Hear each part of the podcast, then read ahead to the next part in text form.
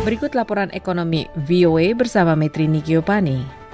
Pemerintah Inggris meluncurkan paket bantuan stimulus pada hari Rabu 8 Juli dan berharap dapat memulai kembali aktivitas ekonomi dan membatasi lonjakan pengangguran yang diakibatkan oleh pandemi virus corona. We have taken decisive action to protect our economy. But people are anxious about losing their job, about unemployment rising. We're not just going to accept this. People need to know we will do all we can to give everyone the opportunity of good and secure work.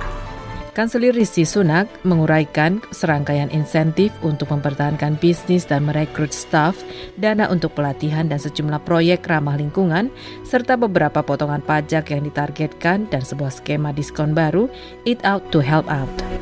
People need to know that although hardship lies ahead, no one will be left without hope. Orang-orang perlu tahu, walau kesulitan menghadang, tak seorang pun akan dibiarkan tanpa harapan.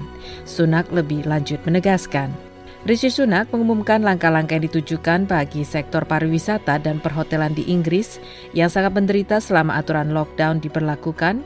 Sejumlah pub dan restoran misalnya baru akan beroperasi kembali pada hari Sabtu untuk pertama kalinya setelah ditutup selama lebih dari tiga bulan.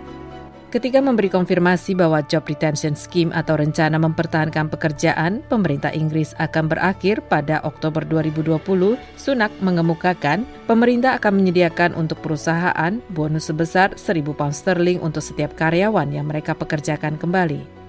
Membiarkan skema PHK sementara tetap diberlakukan akan memberi harapan palsu bahwa peluang untuk kembali ke pekerja mereka yang semula selalu terbuka. Sunak memaparkan lebih lanjut. We have to be honest. Leaving the furlough scheme open forever gives people false hope that it will always be possible to return to the jobs they had before.